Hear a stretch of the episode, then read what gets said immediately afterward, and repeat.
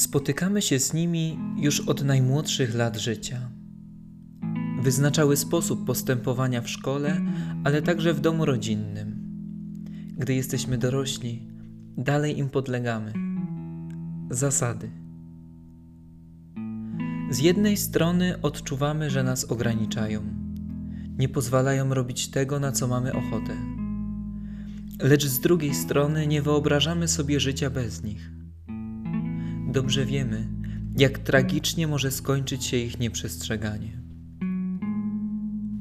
Także zasady religijne mogą wydawać się przytłaczające, bo o ile łatwo możemy wyobrazić sobie konsekwencje nieprzestrzegania dozwolonej prędkości na drodze, tak dużo trudniej przewidzieć nam skutki łamania Bożych praw.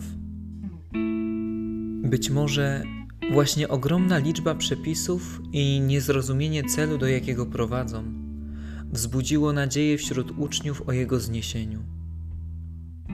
Nie sądźcie, że przyszedłem znieść prawo albo proroków.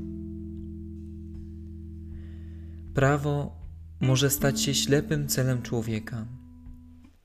Tak traktowali je Żydzi, dla których stało się ono sposobnością do pozbycia się mistrza z Nazaretu. My mamy prawo, a według prawa powinien on umrzeć. Byli zaślepieni. Prawo stało się dla nich Bogiem. Lecz można traktować je jako środek, i to właśnie robi Jezus. Nie przyszedłem znieść, ale wypełnić. Prawo wypełnia miłością, bo ponad nim widzi człowieka i zależy mu na jego dobru. Zna jego głód, ból, kalectwo i grzechy. Wszystkie miejsca, w których nie daje rady.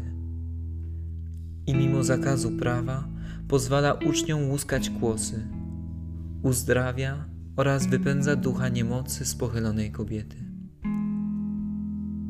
Jezus tak Cię ukochał, że dał się ukrzyżować, aby stare prawo zostało wypełnione prawem miłości, by nad sprawiedliwością, na którą każdy z nas zasługuje, zapanowało Boże miłosierdzie. Dziś pragnę, abyś odkrył tylko jedno.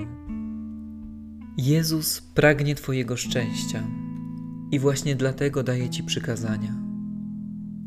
I choć na pierwszy rzut oka mogą wydawać się trudne i przytłaczające, to są one drogowskazami pokazującymi prawdziwą wolność i szczęście.